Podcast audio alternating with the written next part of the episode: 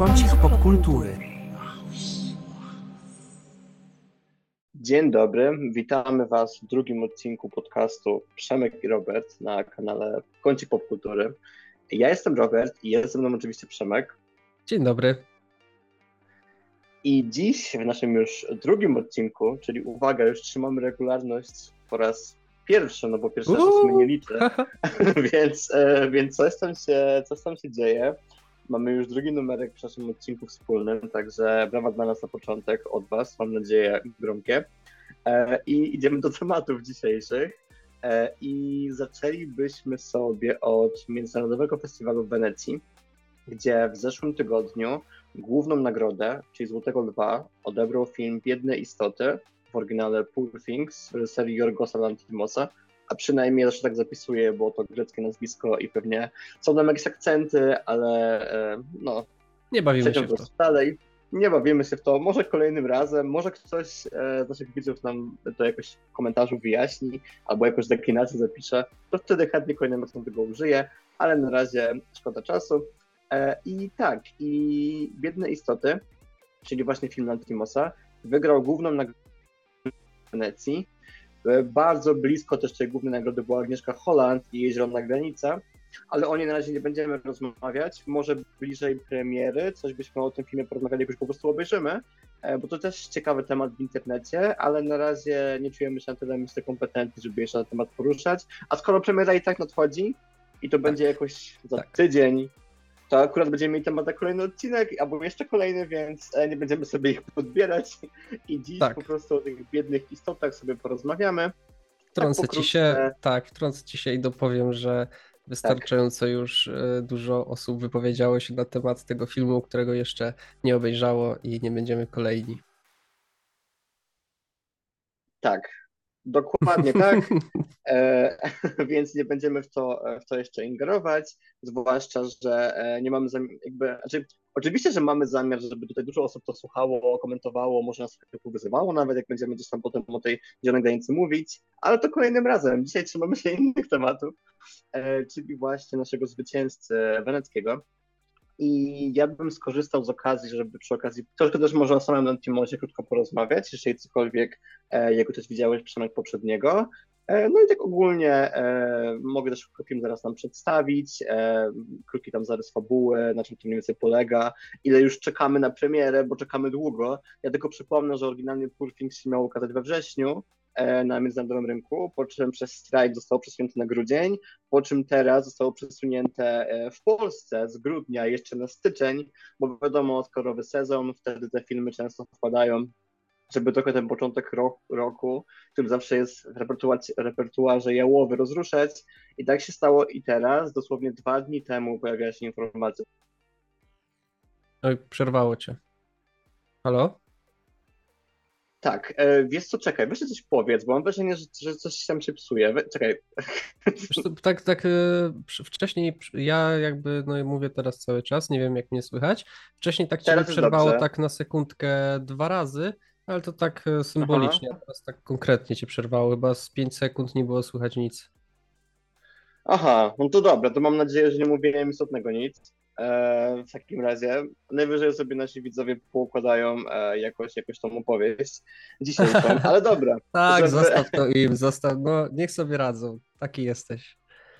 Niech sobie radzą, na zaś postaramy się ewentualnie jakoś temu zapobiec, a teraz, żeby już mój głos nie stał się zbyt monotonny, to zapytam Cię Przemku, bo ja mam już swoją opinię przygotowaną, ale żeby troszkę mhm. to jednak przepleść, e, to co Ty myślisz o tym filmie? Co się czekasz na niego? Nie czekasz? Czy widziałeś jakieś poprzednie? Mhm. Jaki masz stosunek do, do Poor Things? Do Poor Things mam stosunek taki, że czekam jak najbardziej. Bardzo kręci mnie um, ta wizja romantyzowania e, Lantimosa z tą konwencją przywracania życia, tą konwencją tego Frankensteina, tak? E, bazowanie mhm. na tym. E, bardzo mi się to podoba, jak najbardziej. Natomiast ja nie jestem jakimś fanem. Ogólnie rzecz biorąc, może taki statement teraz z mojej strony. No, jego najpopularniejszy film, bez wątpienia, faworyta. oglądałem, z reguły cieszy się pozytywnymi ocenami, a ja fanem nie jestem. I ogólnie rzecz biorąc, ja jestem osobą, która, której podoba się dużo rzeczy. Mnie nie jest ciężko zadowolić. Jak reżyser popełnia jakieś błędy, albo jak aktor nie domaga, to ja sobie coś dopowiem sam. Ja stwierdzę, że a, bo tutaj to dlatego, ja sobie w głowie wszystko dopowiem i wszystko gra. Dla mnie wszystko jest okej, okay, no nie?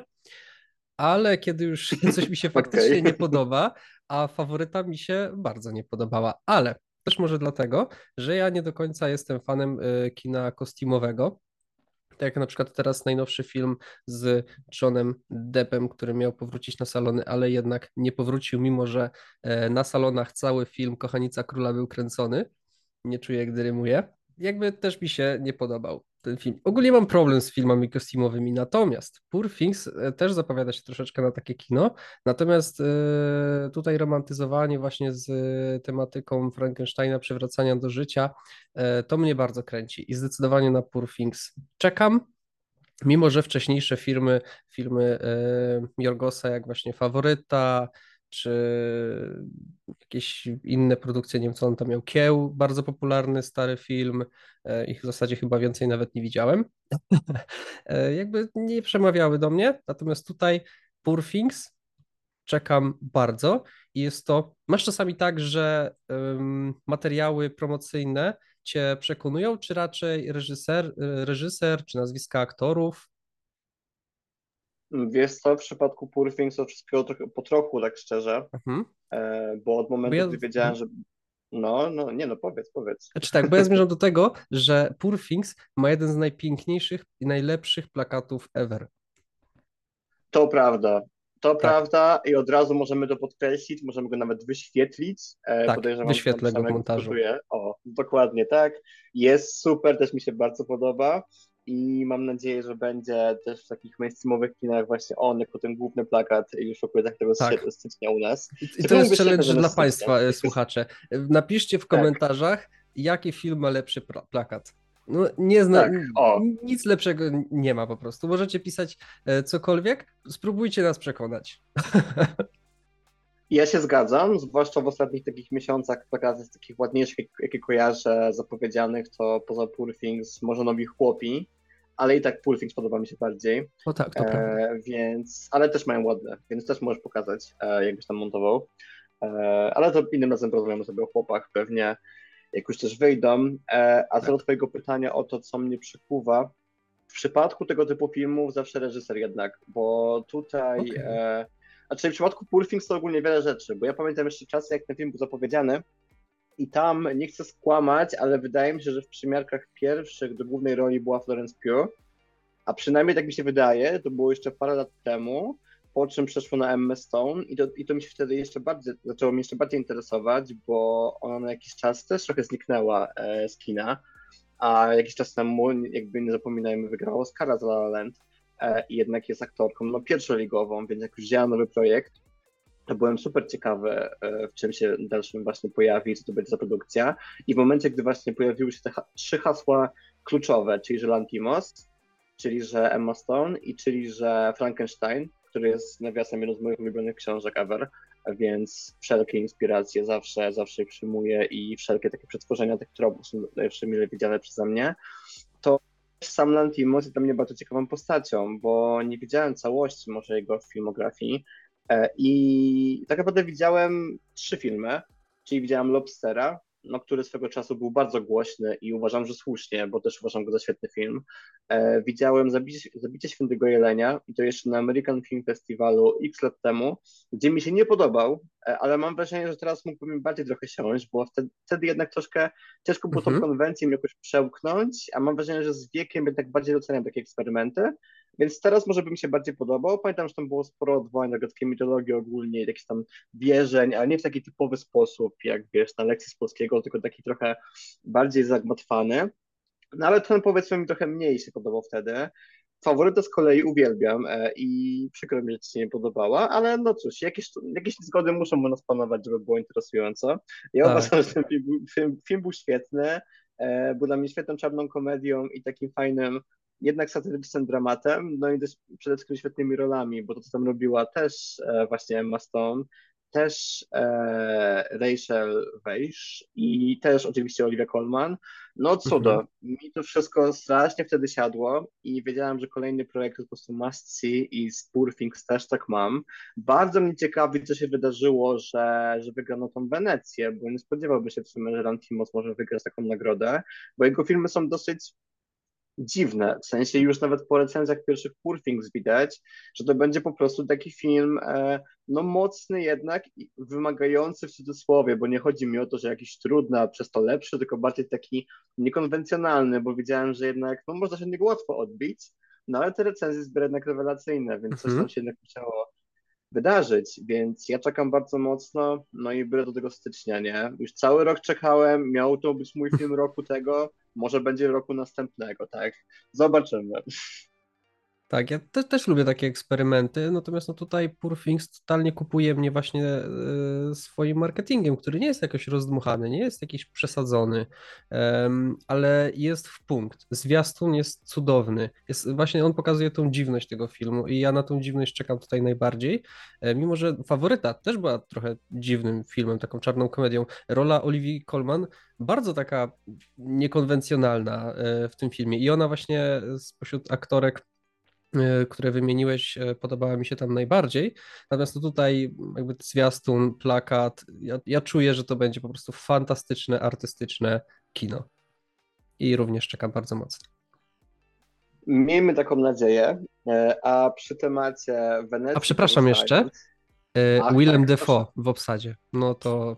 Tak, ale tu obsada ogólnie jest mocna, o tym też wspomnijmy, bo poza Willemem jeszcze, jeszcze Mark, Mark Ruffalo E, I, no i ogólnie to są też to są mocne trzy nazwiska, które na tym etapie już mają tak Bardzo. tak wyrobioną renomę, że praktycznie każdy ich film no jest zawsze jakimś takim mini wydarzeniem. Więc tak, to, to tylko podkreślać, jak bardzo czekam, czekam na Poor Things i tak samo myślę, czekasz też ty. E, no i żeby nie zaburzać mojego płynnego wstępu, bo sobie wymyśliłem taki koncept na odcinek, słuchajcie, ja wam powiem w sekrecie, że skoro biedne istoty w Wenecji wygrały nagrodę, to zostając w Wenecji, możemy jeszcze o duchach o, Wenecji porozmawiać. Bang, tak. ale przejście. Dokładnie tak, o, o, o, duchach w Wenecji. E, I teraz może trochę głos oddam tobie, bo ty jesteś mhm. fanem, słyszałem tej serii, większym niż ja, prawdopodobnie, więc ewentualnie coś, coś podopowiadam, ale przedstaw nam Przemku, czym są duchy w Wenecji?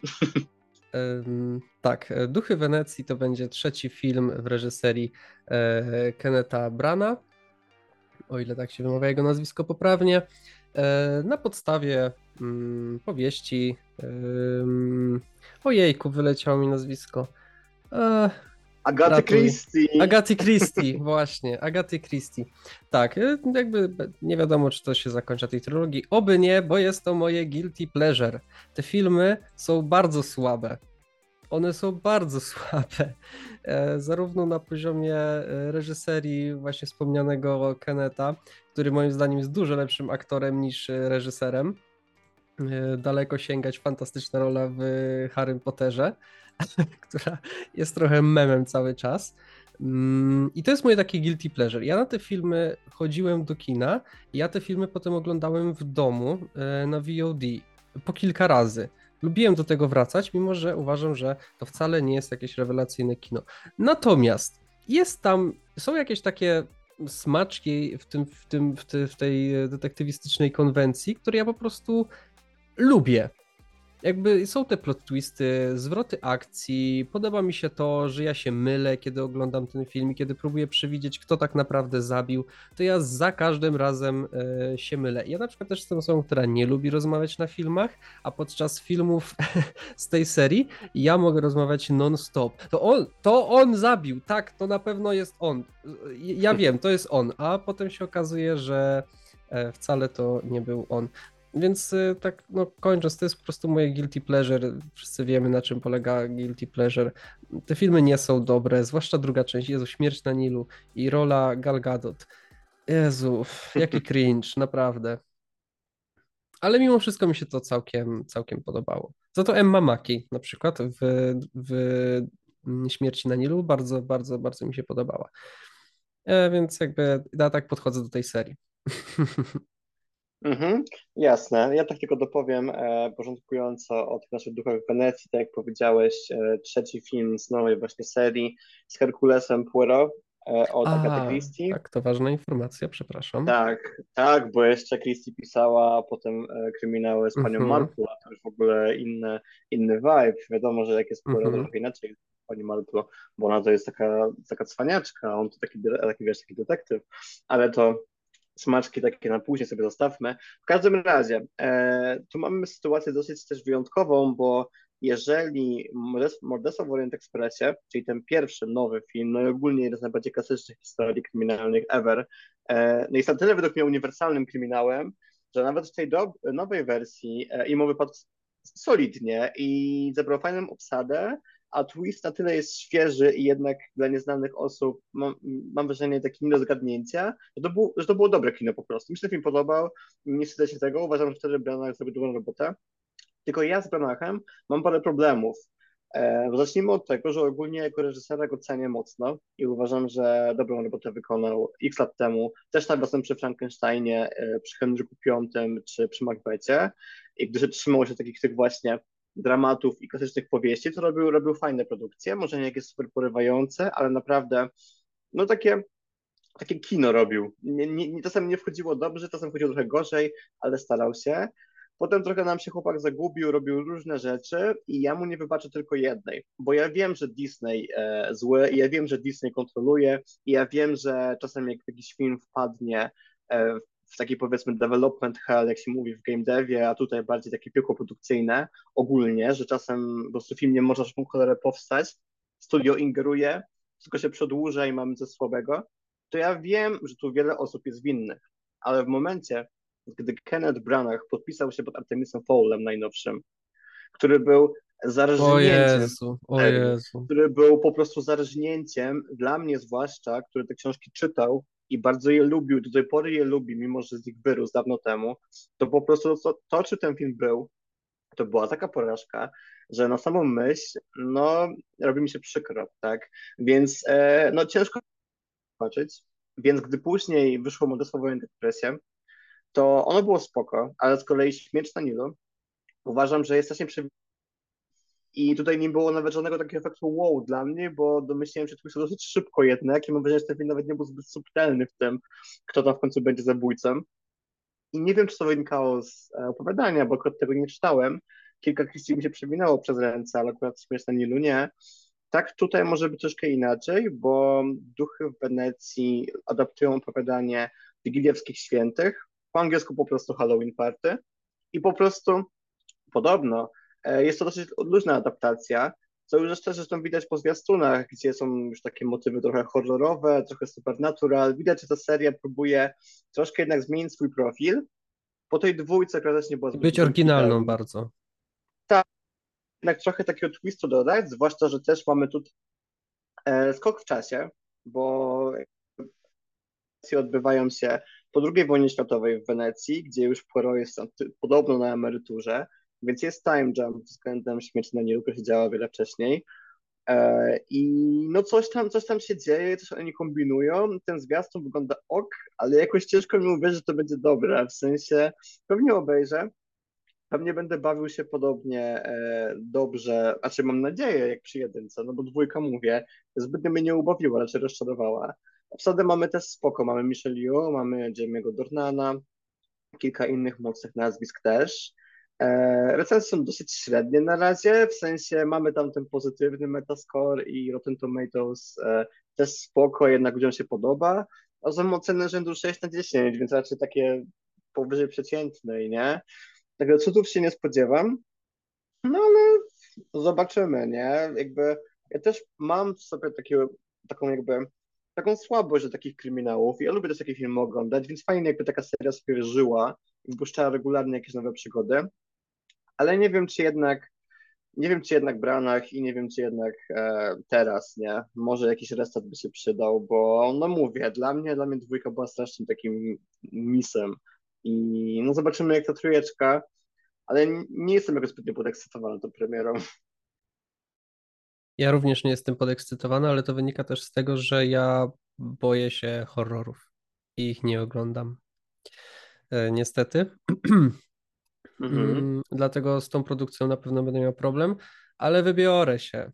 Wybiorę się i zobaczymy. A jeśli gdzieś w, między, w międzyczasie wyjdę z kina, no to znaczy, że jednak nie dotrzymałem. No po prostu nie potrafię, nie potrafię oglądać horrorów, bo, bo, bo, bo mnie nawet najprostsze, najbanalniejsze jakieś jumpscary po prostu strasznie przestraszają, ale no tak, Śmierć na Nilu to był straszny mis, e, wcześniej Belfast, no jakby fajny, fajny film, no ale Artemis e, Fowl, o którym powiedziałeś, no to jest tragedia, czy film Cała Prawda o Szekspirze, czy jeszcze wcześniej Kopciuszek, no to to były jakieś e, pomyłki, jeśli chodzi o tego reżysera.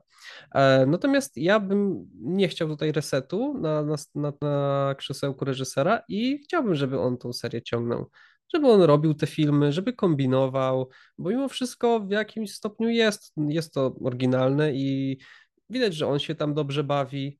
Te filmy jakby no nie są super, tak? Są moim zdaniem słabe. Tak jak wspomniałeś, Morderstwo w Orient, w Orient Expressie jest, jest e, całkiem fajnym filmem.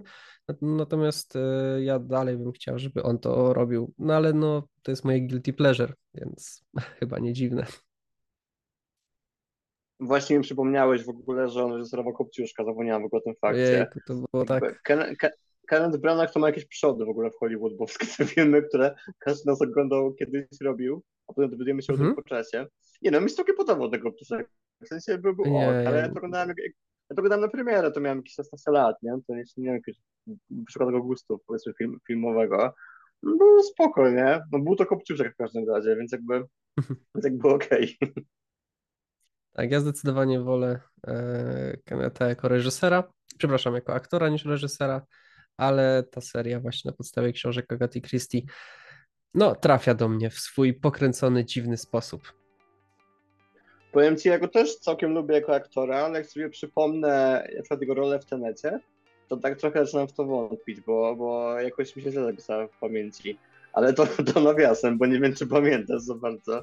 Pamiętam, e... tak, tak. No Ale tak średnio. Jak... Ani no. nie miał czasu na tyle, żeby się wykazać tak naprawdę, ani ta rola nie była jakaś bardzo znacząca moim zdaniem dla całej tej historii. To tak akurat tutaj o Tenecie, Tenet, Teneta nie brałem pod uwagę. Znaczy, jeszcze tak zaznaczając dla naszych widzów, to na przykład Kenneth Branagh z racji tego, że występuje wszędzie, gdzie możliwe, robił małą rolę w Oppenheimerze, tylko podkreślam. Tak, no ale tam w dwóch, dwóch scenach było, ale, ale był też tutaj. Może ktoś też wpływał po ten fakt. Jak kiedyś pomyślicie, że nigdy nie widzieliście Keneta jako aktora, to uwierzcie, widzieliście. widzieliście. Tak, na pewno widzieliście. Każdy tą mordę myślę, że już kojarzy w tym momencie naszego życia. E, także, panie Kenecie, Dziękujemy, że tak pan występuje wszędzie, gdzie możliwe. A teraz przejdźmy do może innego, innego tematu. Myślę, że nawiążemy jeszcze do tej, do tej śmierci, w, po śmierci w Wenecji, którym się myli ten tytuł, do duchów Wenecji. Jak już e, obejrzymy po prostu ten film, to może jakoś krótko w kolejnym naszym odcinku czy coś, coś się powie, jak obejrzymy. No zobaczymy. Ja, ja tam ja nie mam oczekiwań dużych, na pewno zobaczę, bo jednak jestem ciekawy, mhm. ale hitu, hitu się nie spodziewam. Tak, zaraz oddaję głos e, Tobie. O czym byś ze mną chciał jeszcze, Przemku, porozmawiać? Udawajmy, że przez chwilę nie mamy planu, o czym będziemy rozmawiać. E, nie mamy planu, dlatego szybciutko plan awaryjny, plan B. E, z Kennethem jest, jako aktorem jest tak samo jak z Ronem Howardem jako reżyserem. E, oglądaliście jego filmy na pewno, a nawet o tym nie wiecie. No, pomijając oczywiście na przykład Piękny Umysł czy nie wiem, Apollo 13, który no, on słynie z tych filmów, no to oglądaliście całą masę innych filmów, które on reżyserował i które non-stop są puszczane w telewizji i na pewno je widzieliście. Kod da Vinci, Anioły i Demony, e, Sekrety i Grzeszki, Człowiek w ringu z fantastycznym, fenomenalnym ojejku, jak on się nazywa, Ruzelem e, Crowe, więc masa filmów, które, e, które nawet nie wiecie, że on reżyserował, no to on reżyserował. To tak samo jest właśnie z Kennethem e, Brana. To taka anegdotka. Ale zaczynając kolejny temat, bo oczywiście mamy, jesteśmy przygotowani zawsze bardzo dobrze. Jak też wiecie o z naszej miniaturki, którą stworzyłem, no to Superhero na sam koniec. Akurat najmniej ważny temat, bo superhero ogólnie obecnie stoi, e, nie idzie do przodu w ogóle. Te To filmy prawda. najnowsze są tragiczne, nic nie zarabiają. Jakoś no, i bardzo dobrze, może gdzieś tam komuś w końcu się coś w głowie przystawi i pomyśli troszeczkę lepiej, jakby zacząć e, to robić, bo zarówno Marvel Studios, jak i mm, DC, no to robią te filmy tragiczne. Pojawił się teaser Aquamena 2. Wiemy, że powróci oczywiście Jason Momoa w roli głównej. Wiemy, że powróci również jego przeciwnik z filmu pierwszego, czyli Black Manta. I to już jest e, pierwsza informacja, która powinna Was zniechęcić. No, dobra, nie będę mówił, co Was powinno zniechęcać, a co nie. Mnie zniechęca na maksa. Po co? Ja się pytam. Motyw zemsty to jest motyw, który w filmach jest oczywiście non-stop aktualny i nigdy nie przestanie być aktualny. Jest to bardzo łatwy temat do zrealizowania, natomiast bardzo ciężko jest go zrealizować dobrze. I tutaj powraca ten sam przeciwnik, który był w części pierwszej i znowu będzie naszym przeciwnikiem, będzie przeciwnikiem głównego bohatera. I już samo to mnie zniechęca, bo Aquaman pierwszy był filmem bardzo słabym. Jedyne, co mi się tam podobało, to prolog, wprowadzenie do, do, tego, do, do, do tego filmu, przedstawienie postaci Aquamana, ale wszystko to, co potem się działo, no przepraszam, może poza bitwą podwodną, to w tym filmie nie grało nic. No i oczywiście Aquaman 2 będzie takim samym filmem, będzie filmem beznadziejnym, nic nie zarobi, no i niestety, dopóki nie pojawi się, ale sorry, Tyler Roast poleciał, E, dopóki nie pojawi się pierwszy film z nowego uniwersum DC, za który odpowiedzialny jest Peter e, Safran i James Gunn, czyli Superman Legacy, e, no to DC dalej będzie leżeć krzyżem na podłodze i prosić o jakąkolwiek widownię w kinie i pieniążki. Mm, Znaczy, słuchaj, no to dałeś mi teraz szerokie pole do komentarzu, tego skorzystam z niego. E, kilka rzeczy. Po pierwsze, Aquaman pierwszy to jest zajebisty film. Ja, ja to mówię. O, ale ręką dzisiaj tutaj się nie zgadzamy często, proszę, proszę. Ja, ja, ja to mówię z ręką na sercu. Uważam, że to jest po prostu takie apogeum super kiczu i mi się bardzo podobał. Miał bardzo fajnie wyreżyserowane sceny walki. Tak, to Fabuła prawda. była, taka, była oczywiście taka do, do zapomnienia, ale jakby ogólnie lokacje, sam sposób jakby jak to wyglądało, tak kolorowo, palpowo, właśnie tam z tą Atlantydą i czy jakąś, e, czy tą pustynią tam, gdzie oni byli, w sensie, czy nie, tam nie była pustynia, tam było takie, jakieś takie miasto nadwodne, takie całe żółte, domki z piasku, takie, wiesz o co chodzi. Ładnie tak. to wyglądało, fajnie kontrastowało, e, no i ogólnie uważam, że był super. Black Manta też był super, zwłaszcza, że zagrał go i uwaga, teraz mamy kogoś z jednym z najtrudniejszych nazwisk na świecie. Ja już kiedyś się ośmieszyłem czytając nazwisko na głos i dalej nie potrafię, ale więc po prostu e, wam e, przeliteruję. Jest to J-A-H, J-A, A-B-D-U-L, myślnik, my, a ty, E-N, drugi, który gra Czarną Mantę, znany między innymi z nowego Candymana. Mogłeś, mogłeś powiedzieć, żebyśmy wzięli sobie coś do notowania, to potem byśmy sobie to przeczytali Tak. sami. Ciężko zapamiętać, ale każdy ma gogle i myślę, że jeszcze z twojej życzliwości może nam się, może go wyświetlimy gdzieś po prostu na ekranie, czy, czy coś.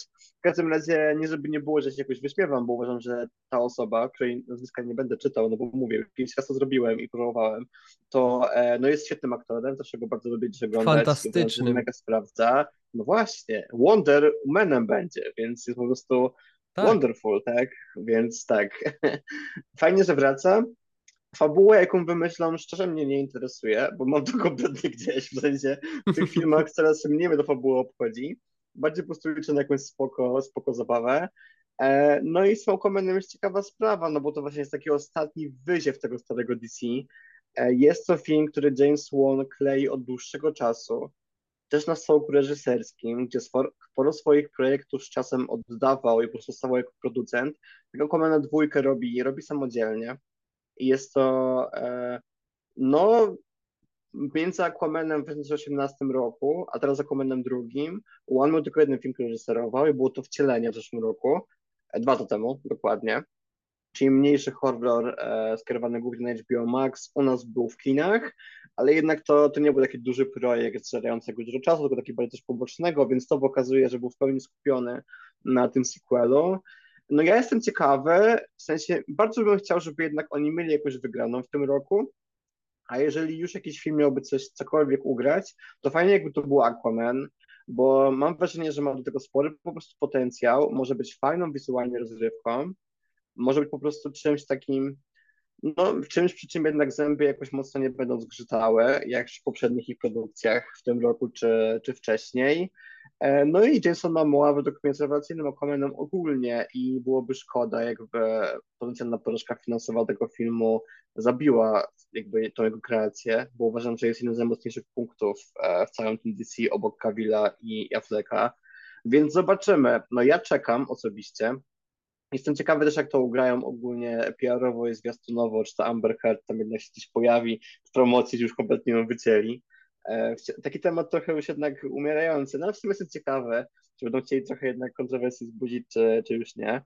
No i premiera, premiera w grudniu. Ja w ogóle pamiętam jeszcze ekscytację roku, bo się cieszyłem, że na, koło moich urodzin wyjdzie i takiego wała, bo nie wyszło. E, jeszcze miało być w marcu zeszłego roku chyba na premierę, jak czas temu też przekładane było milion razy. No i też nie wyszło. Teraz teoretycznie też może być przełożone przez strajki, no ale jednak nie będą chyba chcieli wszystkiego się pozbyć z tego, jakby z tego okresu świątecznego, więc raczej, no raczej zostanie już ten Aquaman. Zobaczymy. Na pewno Łąki już nie ruszą, bo Łąka to będzie takim lekkim filmem, co ma rodzinny ściągnąć do kin. A Aquamanem w sumie nie wiem, jak będzie, no. Końcówka roku to teoretycznie jest dobry okres, co grudniu Avatar chociażby, tak? E, więc no, szanse są. A jak będzie, to zobaczymy. Mhm. Tak. W ogóle mi się wydaje, że to, co może ten film uratować, no to właśnie ta data premiery. No bo wtedy e, przenieśli już Poor Things, no i no w zasadzie jest tylko Łąka. Łąka też jest Warnera. Wydaje mi się, że tych filmów już nie ruszą. No i tak naprawdę Aquaman i Zaginione Królestwo to będzie film mm, i taki w grudniu największy, rozrywkowy i to jeszcze chwilę przed świętami Bożego Narodzenia, więc wydaje mi się, że tego nie ruszą i to może być to, co ten film uratuje. Ten film uratuje, uratuje box office tego filmu oczywiście. No tak, bo jak teraz patrzę ogólnie na rozpiskę grudniową, to e, takie premiery większe właśnie w połowie miesiąca, skoro Poor Things jest na styczeń, ale czyli międzynarodowo zostaje i tak e, na początku grudnia, no ale to raczej nie będzie jakiś boxowy kot, nie oszukujmy się, on tam zarobi sobie trochę, ale niezbyt dużo, takich filmy no. nie zarabiają. Ale mamy 14 grudnia Łąkę i 21 grudnia Aquamana, czyli dwa Warnery z rzędu i za bardzo nic, e, nic więcej na ten moment potwierdzonego. No więc faktycznie tak. oni chyba chcą się w tym grudniu umocnić. Konkurencja raczej się jakaś nie zapowiada spora, no bo kto się już wpakuje teraz w ten okres świąteczny, zwłaszcza gdy wciąż mamy oczywiście strajki, jednak to ich hamuje przed tą promocją różnych filmów.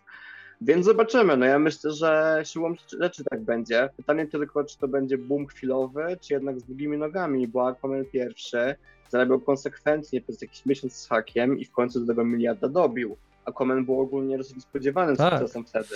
Finansowy Dlatego też tak strasznie, tak. straszny sukces finansowy. Dlatego też tak pewnie mocno jednak chcą, żeby ten sequel też się udał, dlatego tak bardzo go, wiesz, w niego wierzą, przekładają i pompują hajs, bo, bo podejrzewam, że na tym etapie, po tych wszystkich dokrętkach, niedokrętkach, e, gdzie były tam zmieniane różne sceny i podobnie wycinane, podmieniane, bla bla bla, no to tego hajsu pewnie sporo przepalili, więc ciekawe, co z tego będzie po prostu i czy będzie to po prostu dobry film, bo na tym etapie już tylko dobry film wystarczy, żeby był, on nie musi być rewelacyjny, ale no, żeby jakieś tam pieniążki na tego DC wpadły, bo naprawdę to się działo teraz, e, no to była masakra. A, a, szkoda uważam, bo na przykład taki Flash to im był całkiem spoko, no ale z drugiej strony Ezra Miller, nie, więc też tak, jakby tak. dobrze nie zrobił, ale jako film był ok, na resztę to wiadomo, no Blue Beetle jest spoko, a to wiadomo było od zawsze, że będzie porażką. Shazama nawet jeszcze nie oglądałem, bo mi się nie chciało, więc ja e, też nie, dziwię się. ja też Więc się nie dziwię, że każdy to zlał. W dziwnym momencie wyszło. Więc zobaczymy, zobaczymy. Co tam jeszcze masz dla nas tego superhero Przemku? Tak jest. Kontynuując temat e, superbohaterów, Przechodzimy do MCU, no i temat Secret Wars. Pojawiły się plotki, że reżyserem filmu może zostać Sam Raimi. czyli odpowiedzialny za kultową już trylogię Spidermana, ale też mm, za ostatni, no wydaje mi się, że mimo wszystko jakiś taki drobny sukcesik MCU, czyli Doctor Strange w multiversum obłędu, który moim zdaniem spośród tych wszystkich beznadziejnych produkcji, które ostatnio wyszły ze stajni Marvela, no to akurat multiversum e, obłędu był filmem naprawdę fajnym. E, więc nie dziwne, że do wielu produkcji e, Sam Raimi jest teraz jest brany pod uwagę, ponoć, tak oczywiście skuperzy, jak na przykład Daniel Reichman czy My Time to Shine informują. Swego czasu też były chyba ploty związane z Blade'em, że może on wyreżyseruje właśnie Blade'a, ale tutaj ten temat ucichł. I Blade chyba masz reżysera nawet. Zapomniałem. nie pamiętam. A drugim nazwiskiem, które też zostało wymienione w kontekście e, reżyserii Avengers Secret Wars, no to Alfonso Cuaron, czyli reżyser, reżyser e, filmu Roma, który zdobył Oscara za najlepszy film międzynarodowy. Wtedy to się chyba jeszcze nazywało najlepszy film nieanglojęzyczny, prawda? Mhm, tak, tak, tak. Tak, tak. no więc zdobył tą nagrodę. A nie, odwrotnie. Teraz chyba odwrotnie? Tak jest, że to był międzynarodowy, teraz chyba jest, że nie, że nie anglojęzyczny. A, okej. Okay, tak mi się wydaje. Okay. To mhm. przepraszam. No i też e, jeszcze szybciutko tutaj tą informację sprawdzam. E, tak, zdobył też Oscara za najlepszą reżyserię. No i pytanie, czy myślisz, że reżyser pójdzie w to? Pójdzie w Marvela? Reżyser, który jest tak artystycznie uzdolniony, a jednak Marvel obecnie w związku też e, z nawet e, gdzieś mi chyba dzisiaj mignęła informacja o tym, że oficjalnie powstanie, znaczy, że e, przepraszam, strasznie się gubię, że mm, osoby odpowiedzialne za efekty specjalne zagłosowały jednomyślnie za stworzeniem związku zawodowego, bo w Marvelu był z tym ogromny problem. Osoby odpowiedzialne za VFX były Mm, bardzo wykorzystywane i niewystarczająco wynagradzane za swoją bardzo ciężką pracę. Więc pytanie, czy reżyser tak uzdolniony artystycznie, e, z takim dorobkiem, będzie po prostu chciał teraz iść do Marvela? No ja myślę, że zdecydowanie nie. E, I tak jeszcze dopowiadając tylko wcześniej do Twojego komentarzu o Blade'zie. Tak, Blade ma reżysera już któregoś z kolei. Tym razem jest to Jan Demange, który pracował między innymi przy e, Lovecraft Country e, dla HBO, e, więc tak, zobaczymy, może przy nim zostanie dłużej. A mówiąc o Cuaronie, no według mnie nie ma opcji po prostu, bo osoba, która już i tak była ostatnio wycofana z tego kina mainstreamowego, skrobała sobie własne jakieś mniejsze filmy i to nie tylko Rome, czy też jakieś tam krótkometrażu producent czy inne poboczne projekty, no to jednak na pewno sobie ceni swobodę artystyczną. W Marvelu tej swobody za bardzo nie dostanie, zwłaszcza jeżeli mówimy o pojęciu Avengersów, co nie jest też jakoś według mnie negatywne, no bo jednak jak się bierze projekt, który ma być takim mega crossoverem, no to reżyser musi być bardzo w takiej symbiozie z innymi filmami, znać je, tak, współpracować tak, tak. z wieloma jakby głosami naraz bo w pewien sposób układa wszystkie pionki na planszy, więc to nie są takie filmy, w których za bardzo można jakoś kombinować twórczo, trzeba po prostu tak rzemieślniczo bardziej do tego podejść. I jak bracia Russo chociażby, są tego koronnym przykładem po prostu, tak, oni jakby, no, odwalili świetną robotę dla Marvela, bo byli tak, takimi po prostu dobrymi rzemieślnikami. I to też widać, że w ich wypadku. Sporo rzeczy zagrało naraz, bo z kolei jak już od Marvela odeszli, od tej filmy trochę się gorzej już przyjmowały, no ale moment Infinity War e, i Endgame to chyba każdy nas pamięta i każdy będzie pamiętał, bo raczej do tego stopnia takiego zaangażowania i fenomenu MCU się już nie zbliży, e, choćby nie wiem, co zrobili, więc jestem bardzo ciekawy ogólnie, co, co się będzie działo dalej. Myślę, że Raimi prędzej, bo tak jak powiedziałeś, e, Multiverse of Madness było spoko i to jeszcze był taki moment, kiedy jakaś tam ekscytacja wokół tego MCU była i jeszcze była jakaś tam powiedzmy forma małej kulminacji po WandaVision, coś tam jednak miało jakieś tam znaczenie w tej fabule. To jeszcze, jeszcze było to świeże.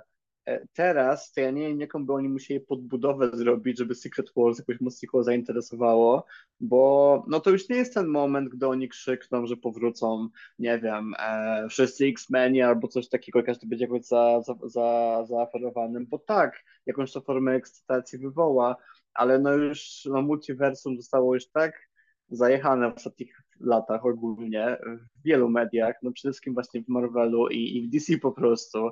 DC nawet nie zdążyło się tym pobawić, bo Flash to wykorzystuje buklapą, więc więcej raczej tego nie wezmą w najbliższym czasie. No ale Marvel na tym ostro jedzie i no różnie to wychodzi. Nie wychodzi jakoś też tragicznie źle, ale po prostu się jakoś tak rozmywa i naprawdę nie wiem, co oni wymyślą. Z drugiej strony, no jednak kredyt zaufania jakiś tam do nich mam mimo wszystko, no bo MC już parę udowodniło, że ma coś za nadrzu.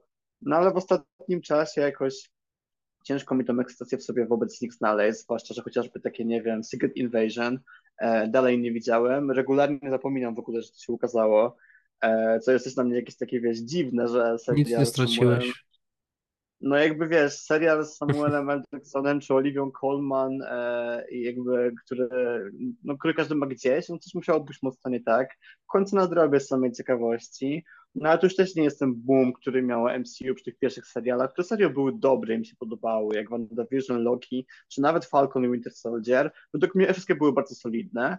No a teraz to tam coś wychodzi, raz gorsze, raz lepsze, gan jest tego dużo po prostu i, i się rozmywa. Także Myślę, że sam Raimi prędzej. Plotki o Quaronie wydają mi się jakieś takie wyssane z palca i, i bym się po prostu mocno zdziwił, jakby on to wziął. No ale zobaczymy, no różne niespodzianki bywały, nie? Stranger Things mhm. that happened, że tak powiem. Ja, trochę, ja plotkę o Alfonso Cuaronie traktuję tak samo, jak traktowałem plotkę o tym, że Steven Spiel, Spielberg może wyreżyserować fantastyczną czwórkę, bo Marvel szuka dużego nazwiska właśnie do tego filmu. No, jak wiemy, do tego nie doszło. Tak samo wydaje mi się, że nie dojdzie do obsadzenia na stołku reżysera e, właśnie Quarona.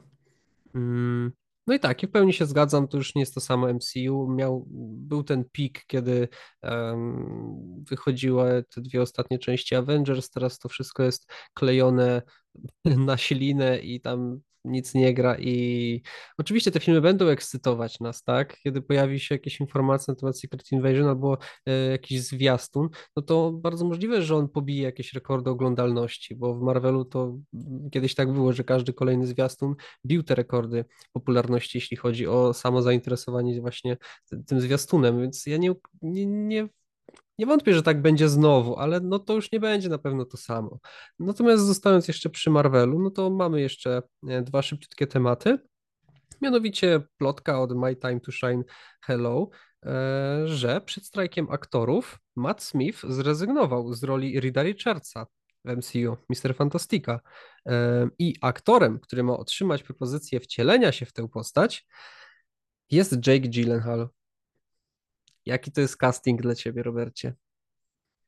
E, znaczy dla mnie to byłby świetny casting, bo Jake'a, Jake'a uwielbiam e, za wiele filmów wcześniej. W ostatnim czasie jego kariera troszkę była słab, się rozwijała, więc może to i dobry pomysł, żeby coś takiego mocniejszego wziął, ale z drugiej strony też pamiętając e, o tym, o czym nam powiedziała Asia, którą serdecznie pozdrawiamy teraz, miał pracę przy, przy Home, w Spider-Manie, gdzie właśnie grałem Przerwało cię. Więc tak. Asi cię przerwało. A. Po pozdrowieniach ja... do Asi.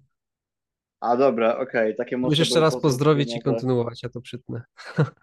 Dobra. E, e, tak, o którym powiedziała nam Asia, za to też serdecznie dziękujemy i z miejsca ją e, pozdrawiamy, że podobno Jake'owi się przy Far From Home w Marvelu pracowało dosyć średnio, więc ciężko mi uwierzyć, że miałby on taką rolę przyjąć, bo jednak Reed Richards no, w tym MCU pewnie trochę posiedzi. Zwłaszcza patrząc na fakt, jak oni tą długo wybierają, tak? To już miało być jakieś dwa lata temu ogłoszone. Sam film jest ogłoszony od jakichś naprawdę, no nie chcę przestrzelić, ale chyba z sześciu już lat będzie. Pięć, tak. czterech minimum i to się tak ciągnie, że to powstać nie może. Ja osobiście nawet, nawet całkiem czekam, ale no już jakaś to robi nudne, bo nawet pamiętam jak w zeszłym roku miała być ogłoszona obsada i nawet napisałem artykuł na naszego kącika o tym e, i wtedy były plotki, że w ciągu miesiąca jasne, to był sierpień 2022, no a mamy co, rok później wrzesień i, i zero na ten moment. Sporo plotek, mało konkretów i i chyba już każda możliwa osoba, która teraz jest na topie, bo wymienianego kandydata do Richardsa, chyba dalej przoduje w tym Adam Driver, no ale zobaczymy, co w końcu będzie, nie? No to w ogóle sporo było tych plotek, że ten scenariusz się nie podobał, że był przepisywany, coś tam, coś tam. prawda się pewnie nie dowiemy zbyt prędko i o tym można rozprawiać e, sporo, ale zobaczymy. No, ja myślę, że jeżeli już trzymając się tego naszego tematu wcześniej, myślę, że fajnie jakby w sumie Sam Raimi wziął Secret Wars, bo no jak to widzę, mogę sobie to wyobrazić, że, że chętnie by się takim czymś po prostu pobawił, trochę swojej wizji się tam przelał, ale czy może jakiejś spójnej wizji. Jestem tyle utalentowany, że to pewnie miałoby ręce i nogi, zwłaszcza spojrzawszy na Spider-Man 2 chociażby, czyli jeden z lepszych filmów superhero moim zdaniem, który do tej pory się bardzo dobrze zestarzał i dalej się go dobrze ogląda. Więc zobaczymy. E, ciężko mi z siebie jakąś cząstkę ekscytacji wykrzesać, no ale Marvel jeszcze na długo uderzy, bo będzie Marvel w tym roku jeszcze, nie? Ale ten temat sobie może zostawmy, bo już mi się rozgadali do, do jutra. E, może na jakiś kolejny raz. W każdym razie patrząc na premier do końca roku, to już szczerze bardziej wierzę, że Aquaman będzie jakimś takim dobrym filmem niż, e, niż The Marvels. No nie wiem jak ty, ale... Dobra, kończmy to, bo co ty gadasz? Tak, tak? Zabrałem. O, to słucham, słucham, słucham. No proszę cię, Aquaman 2 dobrym filmem, nie wierzę.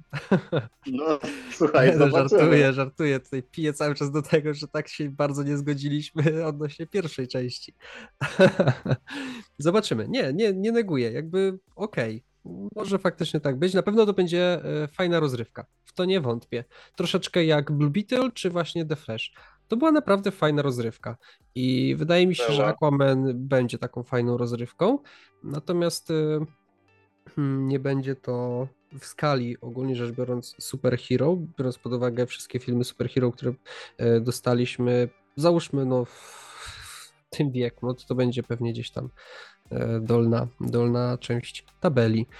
I jeszcze szybciutko tylko, bo już na miniaturkę wrzuciłem, musimy wspomnieć o Deadpoolu 3 czyli film, który ma zadebiutować początkiem przyszłego roku. Pojawiły się ploteczki, według których film ma wyglądać w ten sposób, że Teraz pomyślałem, że to w sumie może być potencjalny spoiler, dlatego jeśli nie chcecie potencjalnie sobie zaspoilerować historii tego filmu, wyłączcie ten materiał w tej chwili. No jak ja na przykład nie chcę, to, to ja nie mogę wyłączyć, więc trochę lipa. No, to no dobra, mów. A czytałeś posta y, Szymona na jego prywatnym e, portalu? Y, nie jestem pewien. Nie jestem pewien, ale dawaj jakby i tak e, Nie, bo tutaj informacja o tym, jak ma się spotkać Wolverine z Deadpoolem. E, I ma to związek z TVA, no bo Deadpool będzie się bawił tam e, tym urządzeniem Cable'a z drugiej części Deadpoola, będzie się bawił w tym multiversum, no i zostanie porwany i tam w więzieniu spotka się razem z e, Deadpoolem, przepraszam, z Wolverine'em i tak się spotkają, uciekną z tego więzienia i zacznie się historia filmu. Coś w tym stylu. I ogólnie rzecz biorąc, pojawiły się też informacje o tym, że w tym filmie twórcy będą korzystać z dużej ilości efektów praktycznych, czyli na przykład, e, nie wiem czy w 100% to się dopiero okaże pewnie w przyszłości, rezygnacja z technologii Volume, którą tak bardzo Marvel polubił ostatnio, a jak, e, jak dużym to, był, to jest niewypałem, no to pokazał film chociażby e, Thor Love and Thunder, mm, że ten film po prostu wyglądał no źle, tak tutaj mają stawiać właśnie na autentyczne lokacje, dużo efektów praktycznych i chemia pomiędzy Deadpoolem a Wolverine'em ma być niesamowita i wszyscy będziemy z tego zadowoleni. Akurat w tą ostatnią informację nie wątpię, bo chemia pomiędzy Ryanem Reynoldsem i Hugh Jackmanem jest fenomenalna. Znaczy, tak, ja się zgadzam, to już nawet na etapie krótkiego zwiastunu widać i to na pewno będzie taki film, który będzie jednak się mocniej trzymał e, praktycznymi efektami i, i po prostu komediowym feelingiem niż, niż całą resztą, bo taki po prostu jest Deadpool, no te filmy tak wyglądały mhm. wcześniej mhm. i myśląc chociażby o tej pierwszej części czy drugiej, to chyba każdy z nas bardziej pamięta jakieś pojedyncze gagi i te kreacje, nie wiem, bohaterów, Kolossusa, czy Deadpoola, czy tych innych tam różnych, e, różnych śmiesznych, nieznanych mutantów, niż jakieś sceny walki, no bo to było wszystko takie jednak pretekstowe i stało, stało komedią, więc ja bym chciał, żeby tak zostało i żeby ten film po prostu był taki lekki, przyjemny i jakiś nie, mocno nie pochylający się w stronę tego multiversum, tylko jeżeli już już, to właśnie w formie gagu, bo Deadpool na to pozwala, więc e, no zobaczymy. Ja sam czekam, zwłaszcza, że to jeden z tych niewielu filmów, których premiera została przyspieszona, a nie opóźniona na tego maja, bo wszystko miał być chyba wrzesień, potem listopad, a teraz mamy, że maj, więc no wiara jest ten projekt spora, był taki okres już przedletni, e, mniej więcej taki sam okres, w którym byście zagrali taki trzy w tym roku, e, czyli no też okres, e, no jednak ci ludzie do kina już chodzą i te filmy już chcą zarobić sporo, więc zobaczymy, na, na pewno Deadpoolowi kredyt zaufania też się należy, mimo wszystko, zwłaszcza, że Reynolds tam, no jednak to tylko w miarę pilnuje, mam nadzieję, mam nadzieję, że mu pozwolili w miarę jeszcze jakoś pieczę sprawować, po tym jak dobre były poprzednie części, więc e, no przekonamy się, przekonamy się już niedługo. Ja bym chciał, żeby to się udało, bo Deadpool jest zawsze takim powiewieniem świeżości i zrobiony dobrze, według mnie zawsze się sprawdzi ale też, mo, ale też jest to na tyle specyficzny jednak film mhm. bohater, że można go łatwo zepsuć, uważam. I myślę, że jak pójdą za bardzo,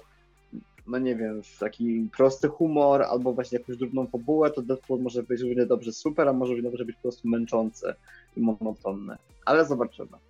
To jest jedna z niewielu produkcji Marvela, na które naprawdę czekam, głównie ze względu na to, że do roli mm, Logana wraca Hugh Jackman. No i tutaj no, Hugh Jackman, ogólnie rzecz biorąc, jego kreacja Wolverine'a to jest mój ulubiony superbohater w świecie kina. Więc ja nie mogę być bardziej szczęśliwy i podekscytowany tym faktem, że on do tej roli po prostu wraca. Okropnie się cieszę. E, uwielbiam wszystkie filmy e, z jego udziałem, z udziałem e, Wolverine'a, zresztą Hugh Jackmana również, a w ogóle X-Men Przeszłość, która nadejdzie, w tym roku obchodzi dziesięciolecie. To jest w ogóle film, jeden z najlepszych filmów superhero. Ogromnie cieszę się, że ten aktor wraca do tej roli mm, i wydaje mi się, że tego filmu nie da się zepsuć. Że sama chemia pomiędzy tymi aktorami, pomiędzy tymi bohaterami będzie na tyle wyrazista, na tyle ciekawa po prostu, że oni nam ten film sprzedadzą po prostu. Tą chemią. Mam też taką nadzieję i przekonamy się w takim razie w maju. Także na dziś to byłoby na strony wszystko. Tak e, dajcie, dajcie znać, jak Wam się podobał nasz e, drugi odcinek, bo poruszyliśmy następująco sporo tematów, więcej niż w pierwszym, więc jest co komentować, jest o czym gadać, jest co hypować na przyszłość. E, my się widzimy w przyszłym tygodniu i co tam, Przemek? No, dziękuję Ci jak zwykle. I do usłyszenia. Ja tobie, ja tobie również, Robercie, dziękuję. Dziękuję Państwu. E, zachęcamy do subskrypcji e, kanału. Ostatnio nie powiedzieliśmy i dużo osób obejrzało, a subskrypcji nowych zero. tak, tak, tak bo, ja, bo, myślę, że nasza zachęta faktycznie dużo zmieni w tym wypadku, ale, ale oczywiście, oczywiście też zachęcam i przypominam o naszym konkursie e, na lepszy plakat niż ten do Poor Things. Tak, Zapraszamy tak. też na naszą stronę, fanpage'a, Spotify'a, TikToka, nawet Odgrozo. Gdzie jesteśmy, tam wpadajcie. Do zobaczenia. Cześć, cześć. Tak jest. Dzięki wielkie. Na razie.